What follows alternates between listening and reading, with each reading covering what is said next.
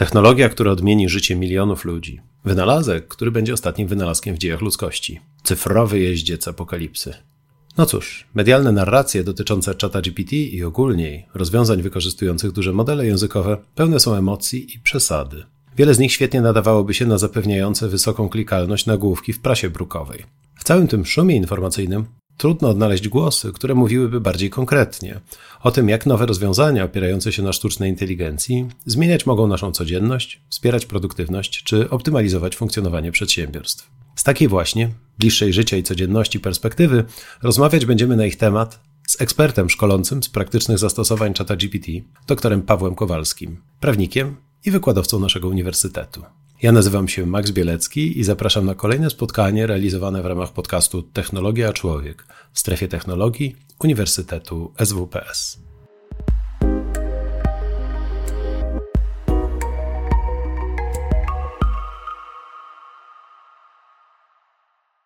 Słuchasz podcastu z cyklu Technologia Człowiek, realizowanego w ramach Strefy Technologii Uniwersytetu SWPS. Więcej wiedzy o wpływie technologii na ludzi znajdziesz w kanałach naszego projektu na YouTube i Spotify.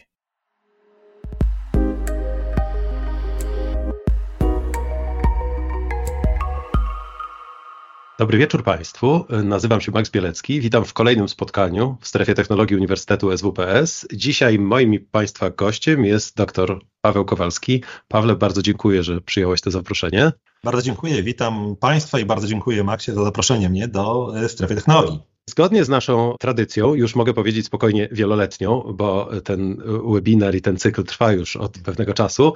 Najpierw kilka słów o naszym gościu, a potem e, przejdziemy do tematu, na który wszyscy czekamy. Wiem, że na dzisiejszym webinarze jest dość tłoczno, że jest z nami wielu słuchaczy, e, ale zanim przejdziemy do czata GPT i wszystkich sekretów sztucznej inteligencji, to kilka słów na temat, jak powiedziałem, naszego gościa i tego, co właściwie uzasadnia e, jego obecność bo to może być trochę zaskakujące. Będziesz się zresztą musiał, Pawle, z tego wytłumaczyć. Jak to jest, że doktor nauk prawnych, radca prawny, specjalista od prawa Unii Europejskiej, prawa medycznego, prawa międzynarodowego, praw człowieka, e, ceniony ekspert i naukowiec, e, no, z obszaru, który w tak w pierwszym momencie nie kojarzy się z rozwiązaniami z obszaru sztucznej inteligencji, jak to się stało, że ty właśnie właśnie równolegle zacząłeś ostatnio funkcjonować jako, e, jako ekspert. Ekspert od wykorzystania dużych modeli językowych, no i pewnie tego rozwiązania, którym wszyscy mamy najczęściej na co dzień do czynienia, jeżeli w ogóle po te rozwiązania sięgamy. E, to e, no właśnie, od tego może zacznijmy. Jak zaczęła się Twoja przygoda z tymi wszystkimi rozwiązaniami? Potem zajmiemy się też tym, do czego mogą nam się przydać. Ale może tak ciut historii na początek. Pewnie. Ta przygoda zaczęła się chyba we wczesnych latach 90., y, a mianowicie wtedy wymyśliłem sobie jeszcze jako dziecko, że zawsze każdy z nas chciał mieć niewidocznego przyjaciela. No mi zawsze marzył się marzyło mi się pudełko, które odpowiada na wszystkie moje zapytania. I tak naprawdę to było w mojej głowie przez wiele lat. Byłem przekonany, że kiedyś coś takiego nastąpi. No i nagle w styczniu tego roku przeczytałem informację o tym, że właśnie, że jest chat GPT-4, jakaś tak, znaczy chat GPT-3,5, jakaś zabawka, która jest e, dla nas wszystkich do, do odbioru. Zainstalowałem ją sobie, no e, z uwagi na, na, na wyjazd naukowy, którą chciałem popełnić aż na Filipiny, który dał mi bardzo dużo czasu i możliwości skupienia się na swoich własnych e, przemyśleniach, zapoznałem się z nim i faktycznie od lutego zakupiłem już tę wersję płatną, co wtedy było nowością, ponieważ wszyscy korzystali z wersji bezpłatnej, natomiast ponieważ ta wersja bezpłatna zaczęła być bardzo wolna, więc e, wydałem wtedy chyba te pierwsze 25 dolarów, kupiłem sobie wersję płatną i zacząłem w tym się bawić. No i potem ta przyjemność zamieniła się w pewnego rodzaju e, zwyczaj albo nawet obsesję, gdzie zaczynałem odkrywać zupełnie nowe możliwości i szukałem granic e, tego, tego oprogramowania. No i gdy te granice odkrywałem, patrzyłem, jak daleko mogę iść, albo czy mogę je przekroczyć. I, I, trochę w tym zakresie faktycznie udało mi się to w różnych elementach. No a później wróciłem na uczelnię od marca. No i zaimplementowaliśmy już te rozwiązania bezpośrednio nie tylko do naszej pracy, ale też do pracy studentów. Tak więc zaczęło się w latach 90. i tak naprawdę dzisiaj jesteśmy, można powiedzieć, na początku tej, tej ścieżki i odkrywania możliwości dużych modeli językowych, bo nie tylko czata GPT. E, no właśnie, to może jeszcze słowo wyjaśnienia. Jak Państwo widzicie, e, do zastosowań bardzo chętnie tu będziemy już e, przechodzić i szczegółowo sobie o nich rozmawiać, ale zanim przejdziemy do odpowiadania na te pytania, które ja sam tu przygotowałem dla Pawła, prośba serdeczna, jak zawsze czeka na Państwa okienko czatu. Zachęcamy, zapraszamy do zadawania pytań. Ja będę robił co tylko w mojej mocy, żeby przekazywać te pytania naszemu gościowi. E, mam nadzieję, że sporo dzięki temu tej wspólnej wiedzy tu się wygeneruje, e, którą Paweł będzie się z nami dzielił. A, e, a teraz wracając do głównego wątku, może chwileczkę jakbyśmy się tak o krok cofnęli. Prosiłbym Cię na, o, o, taką charakterystykę tego tematu naszej rozmowy, może odrobinę bardziej ogólną, dlatego że jak dzisiaj, nie wiem, włączamy wiadomości albo otwieramy jakąkolwiek prasę, właściwie niezależnie od tego z jakiej branży, czy to będzie marketing, czy to będzie prawo, czy to będzie nauka, atakują nas, no takie specjalistyczne często, artykuły, które mówią o tym właśnie, nie wiem, co ta technologia zmieni w naszym e, funkcjonowaniu zawodowym, czy ona niesie ze sobą jakieś ogólnoświatowe zagrożenia, jak ona przeora społeczeństwo i przyszłość. E, są to, można powiedzieć, takie wielkie pytania. A ja bym chciał, żebyśmy dzisiaj trochę skupili się na takiej perspektywie znacznie bardziej, można powiedzieć, lokalnej, albo codziennej, albo osobistej. E, I, I żebyśmy porozmawiali o tym, jak osoba, która nie ma ogromnej wiedzy informatycznej, nie ma z tym do czynienia na co dzień, być może nie programuje wcale. E, no właśnie, czy jak takiej osobie możemy po pierwsze jakoś przybliżyć, czym ta technologia jest, to może na początek, no a potem sobie porozmawiamy o tym, do czego może nam się przydać. Zacznijmy od tego, jak opowiedzieć o tej sztucznej inteligencji, o tych modelach e, osobom, które z tym do czynienia dotychczas nie miały. Tak. Y Zaczęliśmy mówić o tym, że jest to sztuczna inteligencja, przy czym mówienie o tym, że jest to inteligencja, jest y, pewnego rodzaju już mm, troszkę nadużyciem, dlatego że jest to tak naprawdę generowanie najbardziej prawidłowych odpowiedzi w stosunku do danych pytań na podstawie tego, czym modele zostały nauczone. Modele, czy to właśnie ChatGPT, czy to, e, czy to będzie BART googlowski, czy to będzie Copilot Microsoftu, wszystkie te modele są przez naukowców, przez programistów uczone pewnymi danymi. No i one potem się uczą, jak te dane wykorzystywać. Im lepiej je wykorzystują, im sprawniej wykorzystują, im bardziej potrafią łączyć różne fakty po zadaniu przez nas pytania, to my jesteśmy cały czas tym, tym pilotem, e, mogą, rozwiązywać, mogą rozwiązywać nasze problemy. I teraz to, co powiedziałeś, powiedziałeś, że e, czy ty to, jeszcze takie było pytanie, czy, czy nam zorganizuje zupełnie inaczej życie. Moje doświadczenia pokazują, że sztuczna inteligencja nie zastąpi nas w życiu. My jesteśmy w życiu, jesteśmy i będziemy potrzebni. Natomiast ludzie, którzy korzystają świadomie z tej technologii, z pewnością mogą mieć przewagę nad tymi, którzy, którzy tego nie robią. Czyli tak naprawdę ja dzisiaj traktuję y, sztuczną inteligencję jako takiego codziennego asystenta, pomocnika mojej pracy, E, mojego nawet życia codziennego i staram się zastanowić się, w jaki sposób mogę swoje życie ułatwić, uprzyjemnić. Z natury jesteśmy leniwi, z natury chcemy robić rzeczy, które robimy i unikać tych rzeczy, które nam sprawiają jakąś trudność, jakąś przykrość, jakąś uciążliwość. Więc ja staram się zawsze wymyślić, w jaki sposób mogę moje życie uczynić jeszcze bardziej przyjemne, miłe i sympatyczne, właśnie wykorzystując do tego sztuczną inteligencję. Czyli myślmy o tym trochę jak o takim asystencie, który jest w stanie bardzo wiele za nas zrobić, jeżeli odpowiednio o to poprosimy.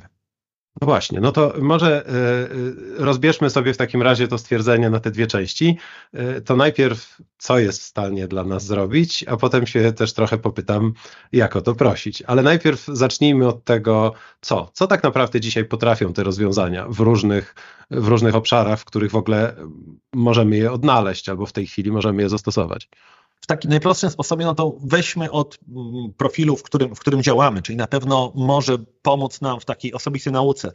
E, sztuczna inteligencja potrafi być tutorem, który będzie nam rozwiązywał problemy matematyczne, problemy językowe, jest w stanie być partnerem do nauki języków. Dobrze skonstruowany może nas przepytać, robić nam testy, oceniać nas, albo co więcej, potrafi nawet, e, potrafi nawet oceniać to, co zrobimy, e, co do dalszych zadań może dla za nas tworzyć, to najczęściej wykorzystujemy, tworzyć tekst lub ten tekst edytować. I teraz znów pytanie, jak to wykorzystamy?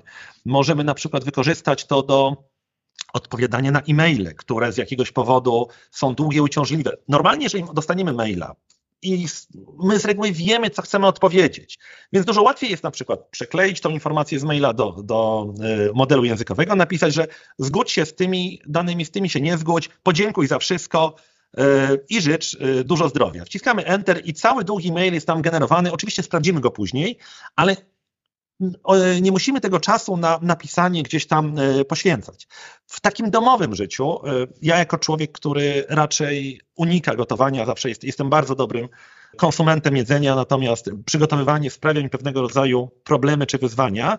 Dzisiaj mo mogę zrobić z czatem GPT zdjęcie mojej zapełnionej lodówki i powiedzieć mu, potrzebuję trzy kompozycje na obiad albo na kolację. Zaproponuj mi te trzy propozycje, stwórz je tak, żeby one miały nie więcej niż powiedzmy 400 kalorii i daj mi dokładną, dokładny przepis, jak to zrobić. I on mi coś takiego przygotuje. Yy, mogę grać z nim w gry. Mogę, kiedyś były takie popularne gry fabularne RPG, w które te gry, tekstowe. Możemy stworzyć sobie taki, taki model, który będzie naszym mistrzem gry, który będzie nam pokazywał, jak grać. Więc tak naprawdę każda czynność życiowa, którą robimy, może być w jakimś stopniu wzbogacona przez, yy, przez to działanie. Przypominam sobie na przykład, przyszli do mnie studenci, którzy jechali na, na Maderę i potrzebowali zaplanować sobie wycieczkę na kieszeń studenta. Więc byliśmy w stanie przy pomocy właśnie e, GPT opracować, jak ta wycieczka ma wyglądać, gdzie wydadzą pieniądze, na co je wydadzą, ile to będzie kosztowało, tak żeby ten budżet się zmieścił. I faktycznie e, to się sprawdziło. Czyli to są te takie codzienne elementy, które, które możemy robić. W takich innych sprawach możemy na przykład zrobić zdjęcie notatek i poprosić, żeby przerzucił te notatki na Worda. Możemy poprosić, żeby je wysłał gdzieś dalej, e, żeby gdzieś, żeby, żeby na przykład zrobił z, tego, zrobił z tego analizę. Pamiętam taką sytuację, gdzie na, na jednym ze, ze spotkań zrobiłem tylko i wyłącznie zdjęcia z prezentacji, którą prowadził, która była prowadzona właśnie dotycząca sztucznej inteligencji i na podstawie pięciu zdjęć dostałem cały kontekst wydarzenia, które miało miejsce w związku z czym potrafił gdzieś już dalej ten pad w to wejść, więc możemy dalej pomyśleć sobie o planowaniu, możemy napisać, możemy tworzyć drobne programy, które na bieżąco wykorzystujemy, kalendarze, pliki Excela, gry, proste gry, takie jak znany tam wąż czy coś, możemy tworzyć dosłownie na bieżąco, więc to są takie nawet najprostsze, codzienne elementy, z których korzystamy, Możemy też wykorzystywać to w dziesiątkach różnych miejsc pracy. To jest to, czym się zajmuję, czyli pokazywanie tego, w jaki sposób możemy efektywnie zwiększyć możliwość naszego miejsca pracy, w jaki sposób możemy, e, w jaki sposób możemy tak naprawdę uwolnić godziny pracowników po to, żeby robili inne rzeczy. Czyli generalnie pomoc w życiu codziennym i myślenie o tym w tej kategorii.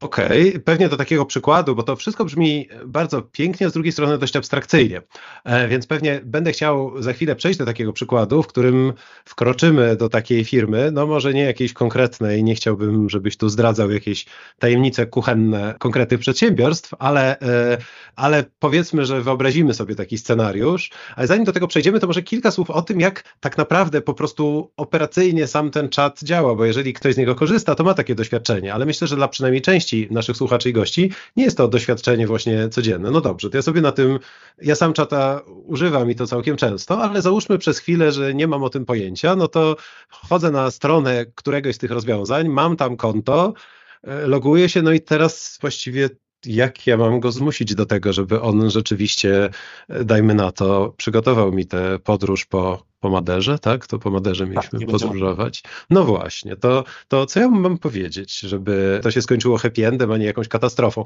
Może od razu dodam słowo kontekstu. Mówię o tym dlatego, że w tej chwili bardzo często w prasie pojawiają się takie artykuły pod tytułem ach, ten chat GPT, tak wszyscy się nim zachwycają, a ja siadłem przed nim, wpisałem do niego, prawda, napisz mi taką powieść, żebym dostał Nobla i on napisał taką słabą powieść, tak? Ten chat GPT, co to jest za przereklamowane rozwiązanie? Albo też od dowolnym innym takim modelu też, prawda? Podałem mu taką albo inną instrukcję, Ostatnio spotkałem nawet taki artykuł naukowy, w którym ktoś twierdził, że być może zresztą słusznie, stawiam to jako pewne pytanie, ale że wrzucił do czata bodajże strony internetowe, po prostu, no de facto pliki graficzne, tak, zawierające strony internetowe i poprosił o audyt UX-owy. No i okazało się, że ChatGPT na podstawie tych zdjęć czy też tych ilustracji wcale nie udzielał takich mądrych porad. Eksperci radzili sobie z tym dużo lepiej. No, moja intuicja i moje własne doświadczenia wskazują, że to chyba nie tak. A co ty byś powiedział tym osobom? Oczywiście. Pomyślmy sobie w ten sposób. Rozmowa czy formuła z czatem GPT to jest trochę programowanie używając języka naturalnego. I teraz to, o czym mówisz, czyli właśnie pewne niezadowolenie z tego outcome, czyli z tego, co dostaniemy, powstaje na zasadzie tego zderzenia, y, ja powiem po angielsku, czyli you give trash, you get trash, tak? Czyli jeżeli wrzucasz śmieci, to dostaniesz śmieci. Analogicznie możemy się śmiać z tego też, że mój znajomy y, użył takiego przykładu, że to jest trochę tak jak śmianie się, że Tesla nie jeździ po schodach. No Tesla nie jeździ po schodach, pewnie więcej nie będzie jeździć po schodach jeszcze pewnie bardzo długo, jeżeli w ogóle. Więc tym elementem podstawowym, tak jak siadasz i nie wiesz w jaki sposób sformułować to zapytanie, musisz w ogóle zadać sobie po pierwsze pytanie, co chcesz uzyskać, czyli musisz wiedzieć w ogóle po co to robisz.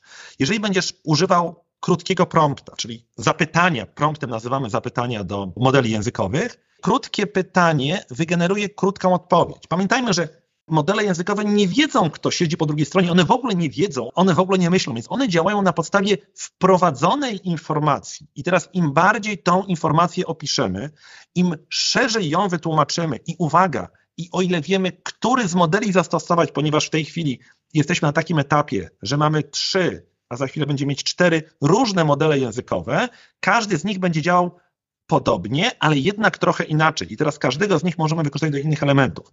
Czyli podstawowym elementem jest po pierwsze odpowiedzenie sobie, co chcę uzyskać, a następnie takie sformułowanie zapytania, które umożliwi faktycznie tym modelom językowym dokonanie analizy. Czyli czym innym będzie odpowiedź, zaplanuj podróż na Maderę, a czym innym będzie prompt, który będzie brzmiał, mam 21 lat i mam ze sobą 700 e, euro na 7 dni. Mam wykupione spanie, chciałbym na Maderze zwiedzić różne atrakcje e, kulturalne, lubię dużo chodzić i generalnie nie posiadam prawa jazdy. W związku z czym zaplanuj mi, jak mogę spędzić moje dni w taki sposób, żeby starczyło mi i pieniędzy, i żebym to zrobił.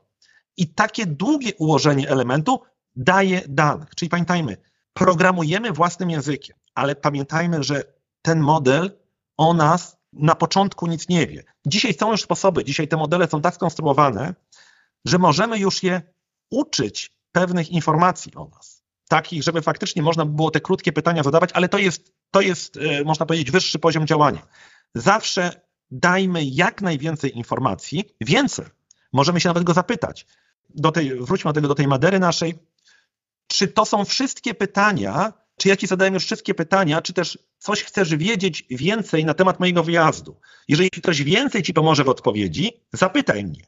I wtedy bardzo często ten program nas zapyta o rzeczy, które jemu pomogą w jeszcze lepszym ułożeniu. Na przykład zapyta nas, czy lubisz pływać, albo czy są jakieś aktywności, które chcesz specjalnie zrobić.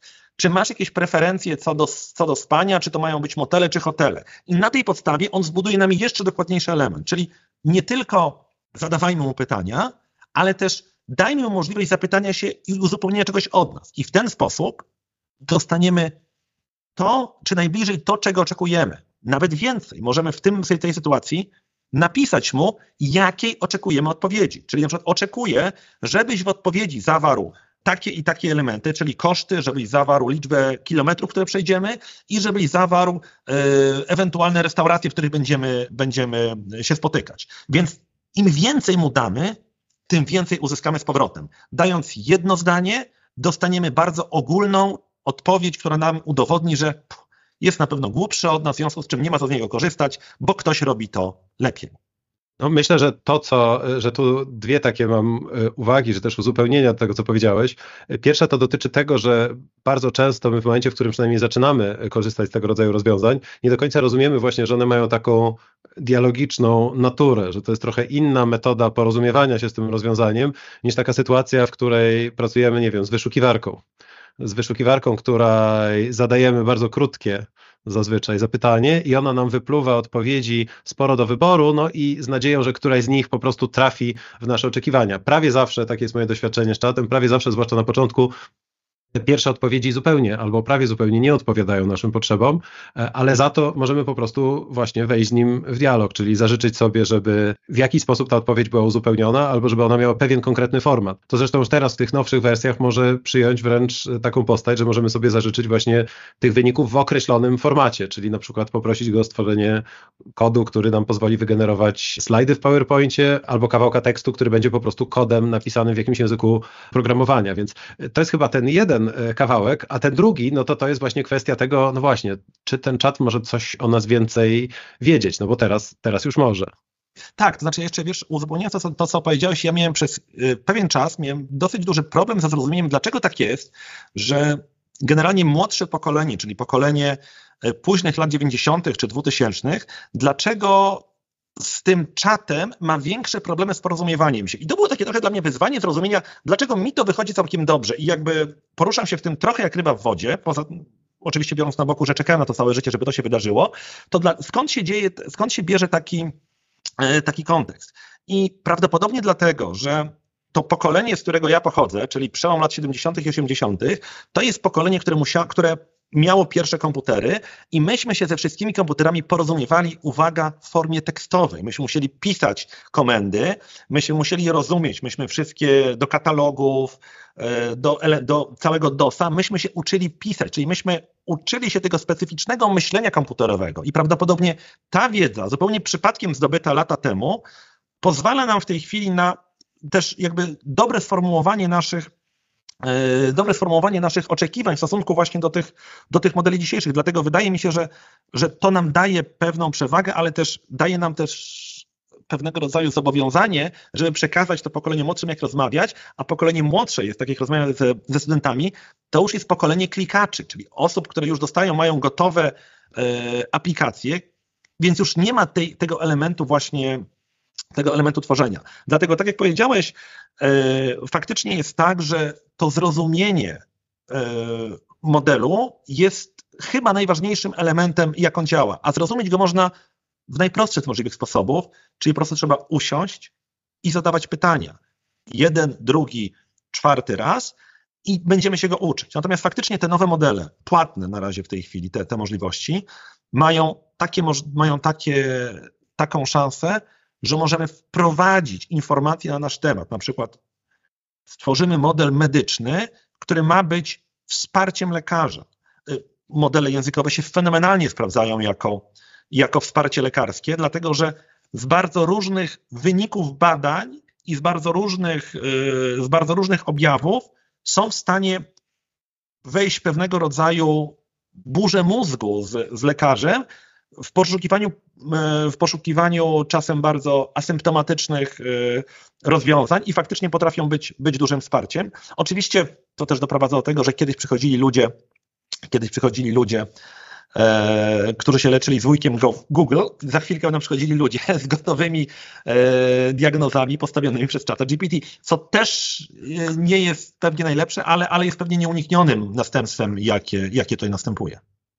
Okej, okay, to pewnie do tego wątku, czyli tego wątku, no gdzieś może jakiegoś ograniczonego zaufania, a w każdym razie tego, jak my powinniśmy postępować y, z odpowiedziami, które uzyskujemy tymi metodami, nie w takim sensie dosłownym, czyli jak tam pogłaskać i połaskotać ten czat, żeby on nam dał właściwą odpowiedź, tylko raczej co my jako ludzie, istoty myślące powinniśmy robić z tym, co pojawia się na ekranie, korzystamy z tego czata. Do tego będę chciał wrócić, ale na chwilę, bo nie chciałbym, żeby to nam umknęło, chciałbym jeszcze z powrotem zrobić desant do tej niedużej firmy, w której pojawia się oto doktor Paweł i doktor Paweł robi szkolenie. No i cóż, przychodzi właściciel takiego nie za dużego biznesu i mówi, no dobrze, dobrze, tu wszyscy się tak bawią tym czatem GPT, ale tak naprawdę dla mnie, jako dla właściciela firmy, co, gdzie, jak, co możemy tu zrobić inaczej i co się zmieni w tej firmie dzięki temu, że zaczniemy z tego korzystać. To, co mówisz, to są właśnie jakby są dwa modele przełożonych, czy właścicieli, którzy przychodzą na szkolenia. Czyli jedna grupa to są, te, to są ci ludzie, którzy mówią, czy, czy z kancelarii właśnie, czy z, z elementów zawodowych, którzy się pytają, w jaki sposób, w jaki sposób mogę przyspieszyć pracę mojej firmy, czy też ją zautomatyzować, e, skrócić pracę moich pracowników, a drudzy się pytają, wytłumacz mi o co w tym chodzi, żebym ja rozrozumiał, czego mogę żądać od moich pracowników i, dla, i w których miejscach ta praca, która kiedyś mi zajmowała tygodnie, dzisiaj może zajmować godziny, czy w pewnych elementach minuty. No i jakie to mogą być, jakie to mogą być e, elementy? No, to, w czym dzisiaj w sposób rewelacyjny chat, e, chat GPT czy inne modele się sprawdzają, to są wszelkie elementy tłumaczeniowe. To znaczy tłumaczenia językowe potrafią, są naprawdę na bardzo wysokim poziomie, są praktycznie bezbłędne i mogą być robione w każdą ze stron, czyli możemy pozyskiwać dane, czy możemy nawet nakazać mu poszukiwania danych dotyczących konkretnego problemu na innych stronach, w innych językach i dostawać je u siebie. Możemy w dużej, możemy w dużej mierze automatyzować odpowiadanie na maile. Jesteśmy w stanie stworzyć małe oprogramowanie, które jest w stanie nam e, analizować przychodzące e-maile i generować odpowiedzi, czyli automatycznie odchodzi nam element pisania. Bardzo dobrym elementem jest umiejętność analizy i można powiedzieć sortowania tematu, czyli czasem jeżeli przychodzą na przykład w dziale e, reklamacji bardzo emocjonalne, długie wiadomości, w których użytkownicy skarżą się na takie czy inne działania, ChatGPT jest w stanie nam powiedzieć, o co tej osobie chodzi, z jakim to jest problemem i jakiego oczekuje rozwiązania. Może nawet nam, jeżeli wprowadzimy odpowiednie dane wcześniej, zasugerować rozwiązania. Może nam, może nam tak, tak go spowodować, że na przykład będzie nam kategoryzował te odpowiedzi, wrzucając je na przykład do tych krytycznych albo niekrytycznych, możliwych do rozwiązania, czy niemożliwych do, e, do rozwiązania. E, bardzo dobrym jest narzędziem do wszelkiego rodzaju brainstormingu. I to, tu się warto zatrzymać, dlatego że ten brainstorming może być bardzo szeroko rozumiany, czyli wrzucamy na przykład, ja to może podam na przykładzie kancelarii.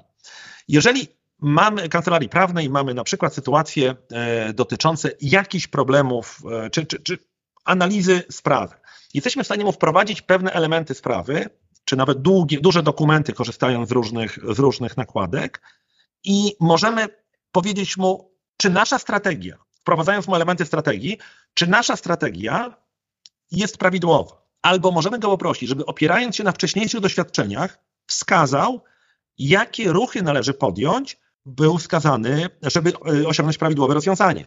Możemy na przykład poprosić go, żeby do przeanalizowanej sprawy stworzył nam analizę SWOT, której nam powie, jakie są szanse, jakie są zagrożenia, w której powie nam na przykład, jakich pytań nie zadawać drugiej stronie, bo to może spowodować ryzyko. Może na przykład zrobić nam analizę dużego dokumentu i zapytamy się, wskaż w którym miejscu świadek ZM ma nieścisłości, w którym miejscu e, jego zeznania są niespójne. Pod kątem godziny, pod kątem kontekstu, pod kątem wielu, e, pod kątem wielu innych rzeczy. Czyli tak naprawdę jest w stanie dokonać oceny tego, co zrobiliśmy, lub też zaproponować e, samemu działania. Ja też staram się przekonywać zawsze ludzi do tego, żeby właśnie nie tyle polegali na można powiedzieć, takim generowaniu takich generycznych, takich ogólnych raportów, tylko wprowadzali swoje dane i na bazie tych swoich danych pracowali. I okazuje się, że te wyniki są wtedy znacznie lepsze niż na przykład, tak jak powiedziałeś, usiądź i napisz mi teraz Nobla z, z literatury czy, czy, czy, czy z wierszy. E, GPT może być wykorzystany w firmie do szkolenia i rozwoju zawodowego. Możemy na przykład poprzez e, najprostsze, poprzez najprostsze elementy wskazania, jakiego rodzaju kompetencje posiadamy, może nam wskazać, co należy rozwinąć na konkretnym stanowisku. Wprowadzając oczywiście odpowiednio wcześniej dane, jak to wygląda, rozwój jakich e, kompetencji i jak należy je rozwijać, żeby osiągnąć, żeby osiągnąć konkretny, konkretny pożądany efekt może wspierać zarządzanie projektami. Tak, jesteśmy w stanie wprowadzić mu na przykład projekt, nakazać mu organizację zadań, może podsumować, no możemy wprowadzić mu na przykład elementy z Facebooka czy z Instagrama, dziesiątki elementów podsumowujących tam wydane pieniądze, interakcje i tak dalej. I jest nam w stanie wskazać, które nasze działania były najzyskowniejsze. Może nam zasugerować, podając mu trochę danych historycznych, którą stronę iść. Jeżeli na przykład prowadzimy Instagrama i mamy cztery różne tematy, to on powie w stosunku do wydanych pieniędzy największe przychody są tutaj, więc idź w to. Może nam wreszcie to agencje agencje marketingowe były, czy, czy, czy PR-owe były przerażone tym, a teraz bardzo szeroko z tego korzystają, generować nam w końcu posty na, na media społecznościowe. Dobrze skonstruowany ChatGPT jest nas w stanie wesprzeć w tworzeniu nowych i nowych rozwiązań w zakresie wiedzy, która, jak powiedziałem, kiedyś zajmowała nam dni i godziny. Bardzo często mamy problem z rozpoczęciem czy z zakończeniem jakiegoś tekstu. Tu wystarczy, wrzucimy kontekst i on nam go rozpocznie czy go, czy go zakończy. Może nam pomóc w automatyzacji zadań obsługi klienta, czyli możemy, może nam na przykład wprowadzając znów poprzez Excela dziesiątki pytań, jest nam w stanie wygenerować najczęściej zadawane pytania, odpowiedzi, oczywiście gdzieś tam na końcu za, za naszą y, akceptacją. Wreszcie może nam stworzyć prezentacje, pliki excelowskie i tak naprawdę obrazy do elementów, które tworzymy, czyli tak naprawdę w tej chwili połączenie, połączenie z różnymi programami graficznymi zdejmuje nas konieczność tworzenia czy wykupywania czasem bardzo drogich dostępów do zdjęć, bo on te zdjęcia nam tworzy na bieżąco. To zresztą są te aspekty, które z jednej strony budzą no tu można by dyskutować, uzasadnione lub nieuzasadnione i obawy, i uzasadnione lub nieuzasadnione protesty, ale tak jak ty o tym opowiadasz, to dalej wydaje mi się, że dla wielu osób, które na przykład w kontekście właśnie działalności jakiejś, może nie tyle właśnie naukowej, akademickiej, tylko właśnie jakiejś przedsiębiorczej, mogą nasi słuchacze nie mieć wyobrażenia, co to tak naprawdę znaczy w sensie takim już czysto operacyjnym. E, to znaczy, czy jeżeli ktoś ma firmę i ma ochotę, nie wiem, zautomatyzować jakieś procesy, no to taki sposób myślenia typowy byłby mniej więcej taki, no dobrze, no to idziemy do naszego działu IT, zrobienie czegoś takiego to jest duży projekt, to wymaga dużego budżetu, no i przede wszystkim nie oszukujmy się, zanim jakakolwiek taka e, automatyzacja zostanie wdrożona, no to mówimy tu o, no nawet nie tygodniach, zwykle miesiącach. W momencie, w którym mówisz, nie wiem, dobrze zaprogramowany model językowy może, nie wiem, stać się takim doradcą, zawodowych moich, doradcą zawodowym moich pracowników, to tu mówimy o tym, że trzeba w to włożyć, no właśnie, ile czasu i czyjej pracy, bo y, to w tej chwili jest takie dość abstrakcyjne. Ja mam jakieś doświadczenie z tworzeniem takich rozwiązań na własny użytek i wiem, że bardzo często w 15 minut można stworzyć sobie taką personę, która już będzie w jakiś tam sposób użyteczna, ale bo na przykład będzie, nie wiem, doradcą w sprawie programu y, nie wiem, na przykład ćwiczeń. Ostatnio zacząłem biegać i y, plan ułożył mi y, ćwiczeń, ułożył mi nie kto inny, jak, jak właśnie wspominany tu czat, ale zastanawiam się, co się dzieje w sytuacji, w której zaczynamy rzeczywiście wieszać na takim rozwiązaniu, mówiąc kolokwialnie, jakieś no, ważne rzeczy, czy w przedsiębiorstwie, czy, e, czy, e, czy w instytucji. To są ile wymaga to czasu, ile to wymaga wysiłku, jak to mniej więcej wygląda? To znaczy, już mówię, znaczy jeszcze, jeszcze wrócę do tego jednego pytania, bo bardzo często też y, ChatGPT może być wykorzystywany właśnie dla właścicieli firm do, jako doradca tego, jak rozmawiać, czy o czym rozmawiać z działami, czy z osobami, które są trochę z innej dziedziny, czyli na przykład jak rozmawiać z tego, co powiedziałeś, z informatykami i czego od informatyków żądać, jak rozmawiać z księgowością i czego można, i czego można, i czego można żądać. Oczywiście jest tak, że yy, wiedza, jakby chat GPT nam poda, czy, czy inne zresztą te modele, bo one działają podobnie, one nam podadzą podstawową wiedzę i dalej będą od nas wymagały, od nas, czy od, od tych osób, które będą, będą w nich działać, znajomości pewnych elementów e, informatycznych.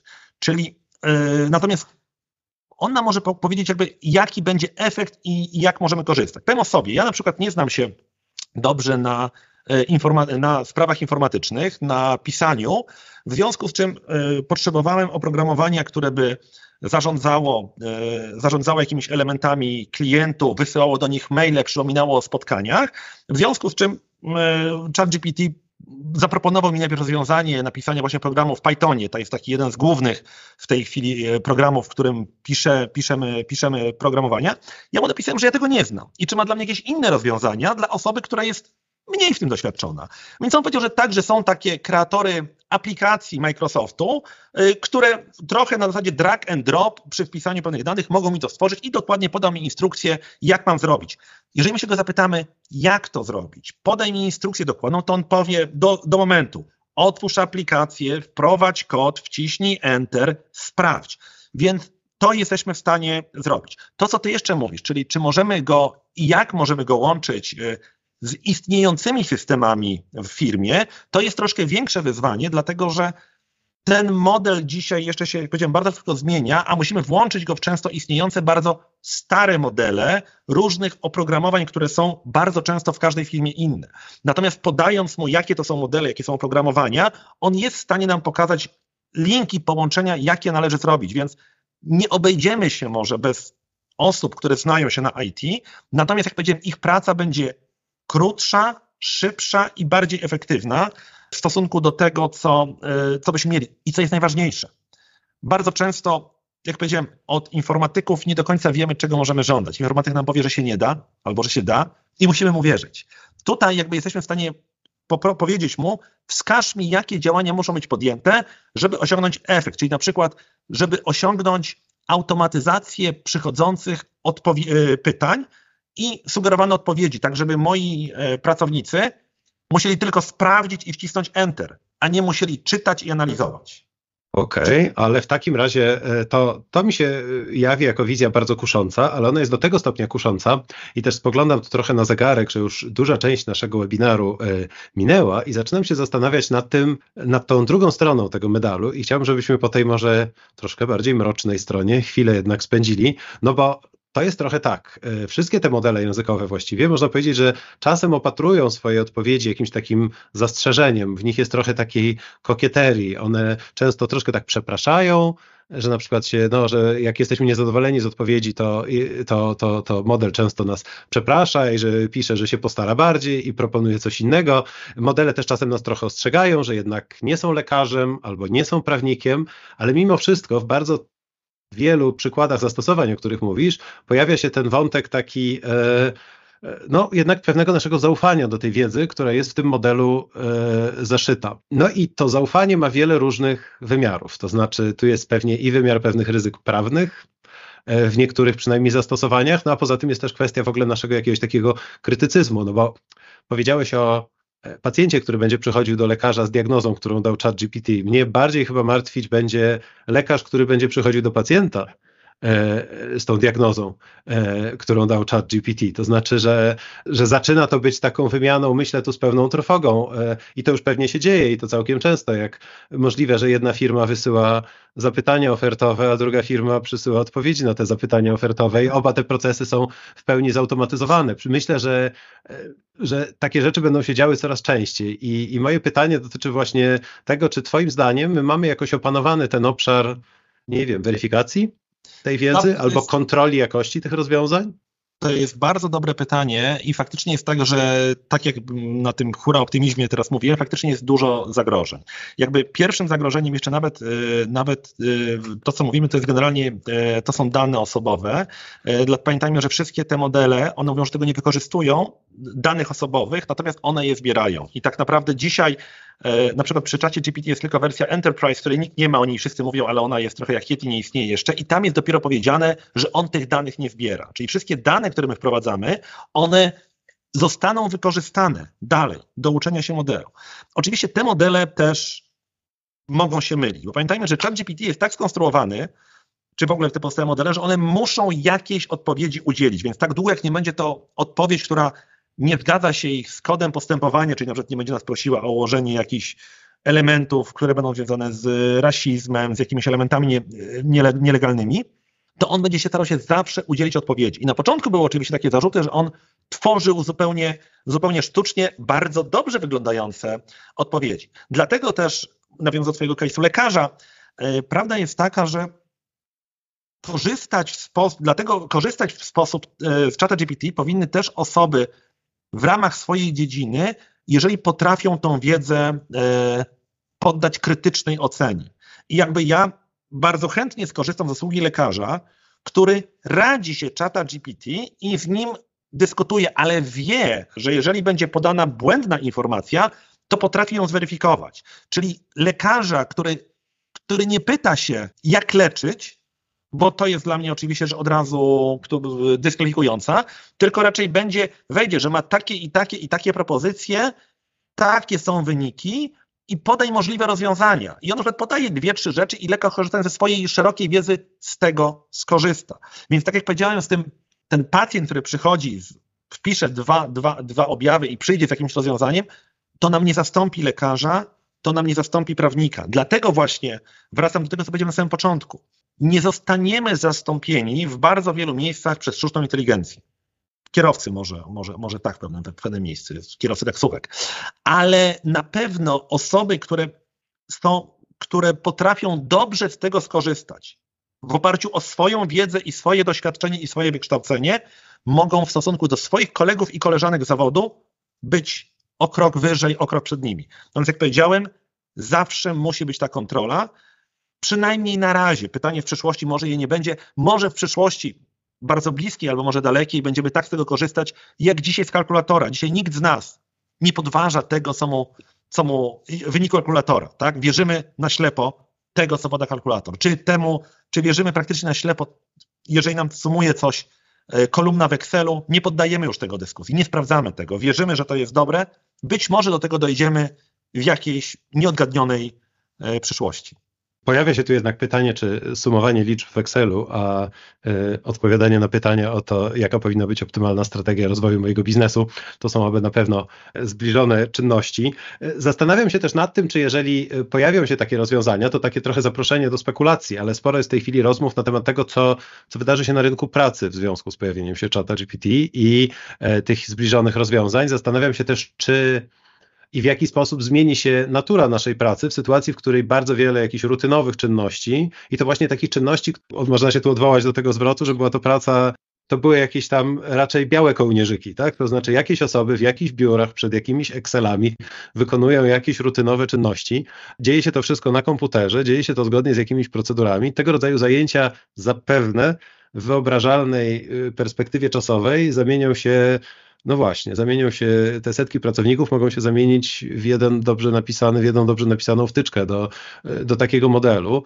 Zastanawiam się, dokąd te uwolnione siły będą, będą wędrować, bo są też tacy analitycy, którzy podkreślają, że jeszcze żadna rewolucja technologiczna tak naprawdę nie zmniejszyła ilości miejsc pracy. To znaczy, okej, okay, no już nie potrzebujemy, prawda, nikt nie musi już zbijać beczek, ale w związku z tym, że pojawiła się ta rewolucja technologiczna, to może potrzebujemy ludzi, co nie wiem, będą E, budować maszyny parowe, albo obsługiwać je, albo będą korzystać tam z kolejnych wynalazków, które gdzieś lądują na horyzoncie. Czy masz jakieś wyobrażenie, no, poza tym zajęciem, któremu ty się teraz z pasją oddajesz, czyli szkoleniu innych, czy czekają nas w najbliższym czasie jakieś takie nowe profesje? Bo myślę, że trochę pewnie wśród naszych słuchaczy jest ludzi studiujących. W końcu rozmawiamy o tym wszystkim w kontekście, e, w kontekście webinaru organizowanego przez uniwersytet. Czy myślisz, że jakiś nowy profil absolwentów się tu wyłoni z tej rewolucji? Czy w ogóle jest sens teraz o tym mówić? Czy to jest jeszcze jakaś wielka niewiadoma? Znaczy, absolutnie jest to super moment na, na naukę. Dla mnie jest to, jak powiedziałem, to są, to są wczesne, wczesne lata 90., tak jak się mówi, że kiedyś myśmy mieli szansę osiągnąć e, dobrą pozycję naszą życiową, zawodową przy przemianie, przy wyjściu z komunizmu, można powiedzieć, na gospodarkę rynkową. Dzisiaj, moim zdaniem, właśnie dla młodych osób to jest ten moment wejścia, wejścia i zrozumienia tych procesów. Oni jeszcze mają czas, jeszcze mają możliwości i można powiedzieć zasoby, żeby tego się szybko nauczyć i robić to dalej. No ja znam osoby, które praktycznie z dnia na dzień wchodzą w ten rynek i to są właśnie osoby młode. Natomiast pozwól mi e, pomarzyć, bo jakby roztaczając wizję tej pracy e, czy jej braku, ja oczywiście uważam, że jak ktoś będzie chciał pracować, to sobie znajdzie taką możliwość. Natomiast ja słyszałem taką, to chyba, to chyba nawet była wizja Ilona Maska, który powiedział, że być może wejdziemy dosyć szybko w pewien poziom dochodu gwarantowanego, gdzie większość pracy będzie zautomatyzowanej i ci, co nie będą chcieli pracować, będą mogli wejść właśnie w ten dochód gwarantowany, czyli za jakąś tam podstawę otrzymywać ją co miesiąc, to wiadomo, że to w niektórych państwach próbowano zrobić, więc być może to w tą stronę pójdzie. Natomiast też tak jak mówisz, każde nowe rozwiązanie generuje sposoby wykorzystania przez, przez rasę ludzką tego w sposób jeszcze bardziej ciekawy i jeszcze bardziej odkrywczy. I też wierzę, że to będzie w tą stronę działało, czyli yy, tak, tak ja nie widzę tego zagrożenia, bo też pewne zawody się w moim przekonaniu nigdy nie zmienią, bo zawsze gdzieś tam ten człowiek, takie mam przekonanie dzisiaj, będzie tym końcowym punktem e, zaczepienia, czy to będzie lekarz, czy to będzie prawnik, czy to będzie e, nawet wykładowca, bo żaden chat GPT nie zastąpi tej pasji i tej, tej umiejętności, czasem e, sarkaz, tego sarkazmu, którego stosujemy na zajęciach, więc wydaje mi się, że pewne rzeczy się nie zmienią. Natomiast w dużej mierze ta automatyzacja zmieni to i uważam, że to jest dla młodych ludzi, to jest dokładnie ten moment wejścia. Znaczy ci, którzy tego nie zrobią przez najbliższe kilka, kilkanaście miesięcy, po tym czasie zjawi się grupa ludzi przed nimi, którzy to robią. A wśród dzisiejszych osób, no ja widzę, jest ta płatna wersja czata GPT, korzysta z niej bardzo niewiele osób, czy jak powiedziałem, jest miejsce na to, żeby zająć jeszcze e, dobrą pozycję w, w czołówce wyścigu. No właśnie, to jest dość ciekawe, czy to, czy to będzie wyścig, czy po prostu minie trochę czasu i stanie się, to, e, stanie się to narzędziem, które jest tak standardowo używane i wbudowane w tyle produktów, że to już właśnie przestanie być wyścigiem. To znaczy, że teraz chwilowo jest ten moment, w którym są ci, którzy już i są ci, którzy jeszcze nie, a za moment się okaże, że to stanie się jak e, telefony komórkowe. To znaczy, każdy będzie to trzymał w ręce. Muszę też, nie mogę się powstrzymać, bo wspominałeś o sarkazmie, więc pozwolę sobie na taką uwagę, że e, bardzo rozczulają mnie takie wizje e, utopijne tych przyszłych społeczeństw, w których my już tyle dekad czekamy na ten moment, w którym w społeczeństwie wszyscy jesteśmy tak zamożni i mamy wszyscy tyle czasu, że zastanawiamy się tylko, prawda, co powinno być w tej szklance, e, którą będziemy trzymać w dłoni, leżąc na leżaku. Jakoś zawsze wtedy sobie przypominam takie statystyki, e, e, które pokazują na przykład, że w Polsce po dziś dzień, jeżeli patrzy się na ilość mieszkań pozbawionych niezależnych toalet, to dalej widać granice zaborów w Polsce, na polskich mapach. I myślę sobie, że e, rzeczywistość ma czasem duży kłopot z doganianiem tych technologicznych snów, ale zostawiając na boku ten sceptycyzm, chciałem teraz, bo czasu nie zostało nam bardzo wiele, chciałem na chwilę zajrzeć do pytań, które pojawiły się tu e, na czacie i właściwie też komentarzy. E, panu Mateuszowi dziękujemy bardzo. Pan Mateusz mówi, że wersja Enterprise w tej chwili to jest po prostu dostęp przez API, no więc on został uruchomiony w ostatnich tygodniach tygodniach, już takim, można powiedzieć, w nowych też, w nowej odsłonie.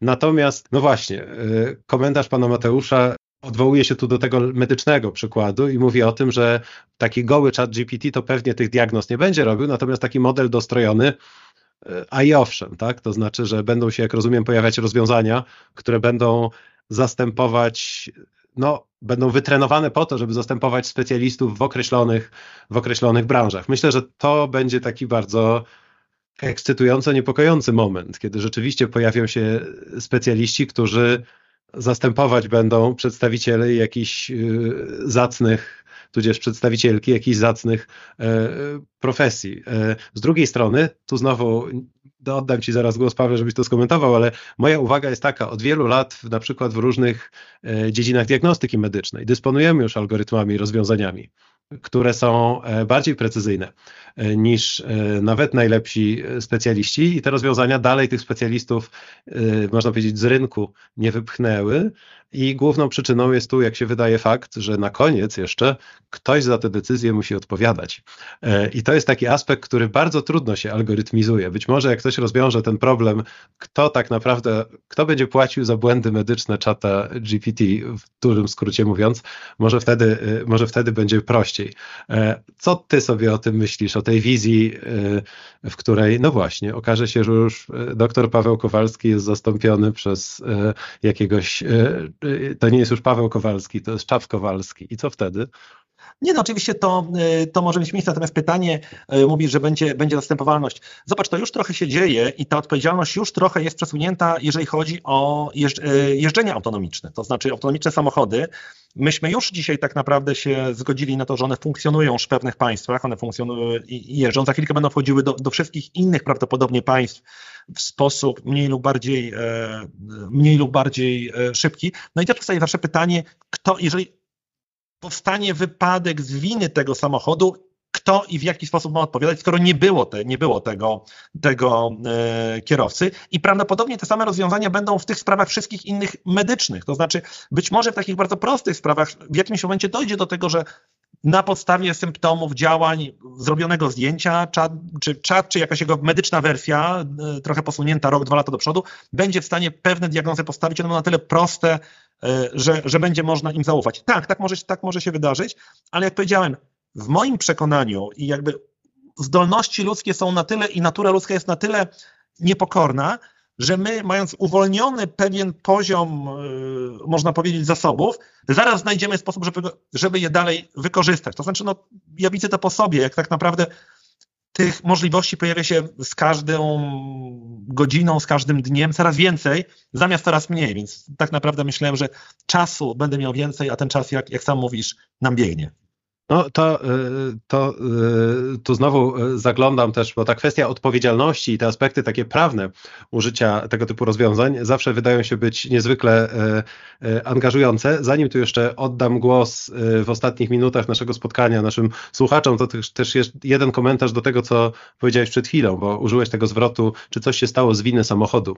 E, bardzo mi się ten zwrot podoba, no bo jeżeli samochód jest czemuś winny, to w takim razie może samochód samochód powinien być tu też na przykład sądzony. To dobrze pokazuje, że e, właśnie pojawiła się przed nami jakaś rzeczywistość, w której nawet język, którym się posługujemy i kategorie etyczne, którymi się posługujemy, jakoś się załamują w kontakcie z tą nową rzeczywistością. Pewnie e, swoją drogą mam nadzieję, że przyjdzie taki moment, w którym e, tu na spotkaniach, które organizuję, porozmawiamy sobie z przedstawicielami też takich dyscyplin, które nad tym językiem się zastanawiają i zastanowimy się wspólnie i porozmawiamy wspólnie o tym, jak można by lepiej opisać tę nową rzeczywistość. Ale teraz na finał dwa pytania, które są refrenem, ale jako, że są refrenem, to są chyba ważne, bo pojawiają się właściwie za każdym razem, kiedy ta tematyka gości u nas y, y, w, na, na webinarach. Więc jako, że jesteś doktorem prawa, to w sumie no, nie może być lepszej okazji. A te dwa pytania to jest właśnie kwestia ochrony danych osobowych i własności intelektualnej do wyników, e, które generują, e, które generują LLM-y. To prośba o skomentowanie tych, tych dwóch kwestii na, na do widzenia. Pytam się też o to z takim uśmiechem, dlatego że pytania powracają, a pytanie, a, a kwestią otwartą pozostaje to, czy, czy mamy jakieś nowe odpowiedzi, no bo to jest teren, który z tygodnia na tydzień można powiedzieć, że ewoluuje. Tak, to znaczy, jeżeli byśmy spojrzeli na y, sytuację, y, na sytuację o generowanie treści, to tutaj raczej y, kształtuje, się, kształtuje się doktryna taka, że bardzo trudno mówić o tym, że czyjeś prawa zostały skradzione. Chociaż to prawda, pojawiają się w tej chwili pozwy o wykorzystanie tych czy innych książek. Natomiast to, co jest produktem naszego prompta, jest tak naprawdę elementem autorskim. I tutaj nie ma możliwości, żeby się do niego w jakimś stopniu, w jakimś stopniu e, przyczepić. I tutaj jakby, więc każda odpowiedź wyprodukowana e, przez czata GPT będzie prawdopodobnie będzie wolna od wszelkich e, obciążeń naruszenia własności intelektualnej.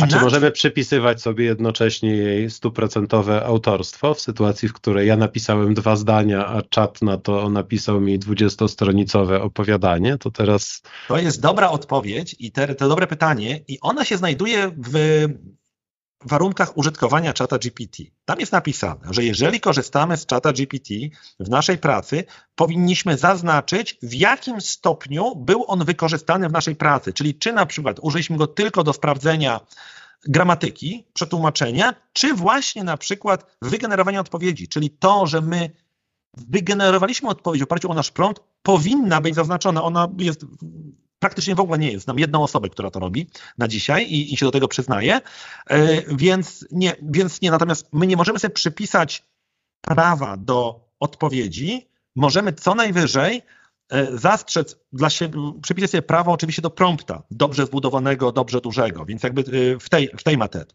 Natomiast inaczej ma się sprawa, i tu się dużo bardziej dyskusja ciekawa rozpoczyna, dotycząca użycia obrazu.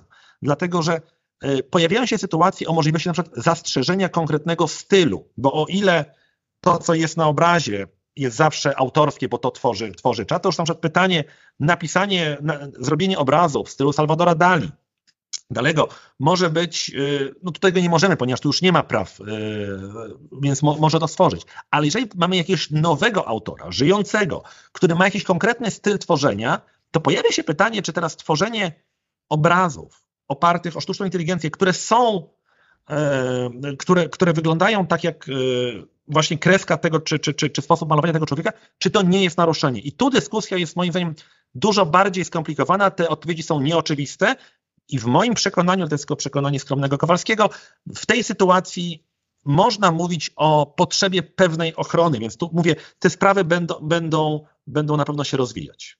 Okej, okay, to ostatnie pytanie i prośba o króciutką odpowiedź. A jak to jest z tymi danymi osobowymi? To znaczy, czy ktoś, kto dzieli się z czatem e, jakimiś danymi wrażliwymi, na jakie ryzyka prawne się naraża? Jeżeli byłbym, jeżeli wiedziałbym, że ktoś moje dane udostępnia, to jak najbardziej e, narusza, narusza wszelkie swoje, narusza wszelkie prawa, ponieważ nie ma możliwości tego robienia. Ja zawsze mówię, że jeżeli wykorzystujemy jakieś elementy osobowe, w, w, dokumentach, wtedy musimy wymazać, wybiałkować te dane. Zresztą od ostatnich kilku tygodni ChatGPT e, nie pozwala tego wprowadzać, ma jasno wprowadzone elementy, że jak są dane, to on dokumentów nie przerobi, dopiero jak wszystko zasłonimy, on jest w stanie takie dokumenty poddać analizie, czyli troszkę sam się koryguje, żeby pewnie też uniknąć właśnie oskarżeń o takie naruszenia. No, warto też dodać, że pytanie, czy jest aż taki mądry, żeby wiedział, że różne kombinacje niewinnych informacji też mają status danych osobowych. Pewnie taki bystry jeszcze nie jest, no bo dane stają się osobowe, jak umożliwiają identyfikację osoby. No i można powiedzieć, że w takim razie informacja o taki zwrot, jak na przykład e, i powiedział to prawnik ze SWPS-u, który szkoli w używaniu czata GPT, to jest też już informacja osobowa, a chat GPT pewnie tego nie wie. Proszę Państwa, ten właśnie prawnik był moim i Państwa dziś rozmówcą. Pawle, bardzo serdecznie Ci dziękuję za to, e, za to spotkanie. E, bardzo dziękuję Państwu za udział e, i wszystkie pytania i wątpliwości, którymi tu się dzieliliście. I jak zawsze zapraszam na kolejne webinary w strefie technologii Uniwersytetu SWPS, a żebyście się nie nudzili, zachęcam do czytania, oglądania i słuchania nas we wszystkich e, serwisach i kanałach, między innymi na YouTubie e, czy na Spotify. Do zobaczenia niebawem. Dziękuję, do zobaczenia, bardzo dziękuję.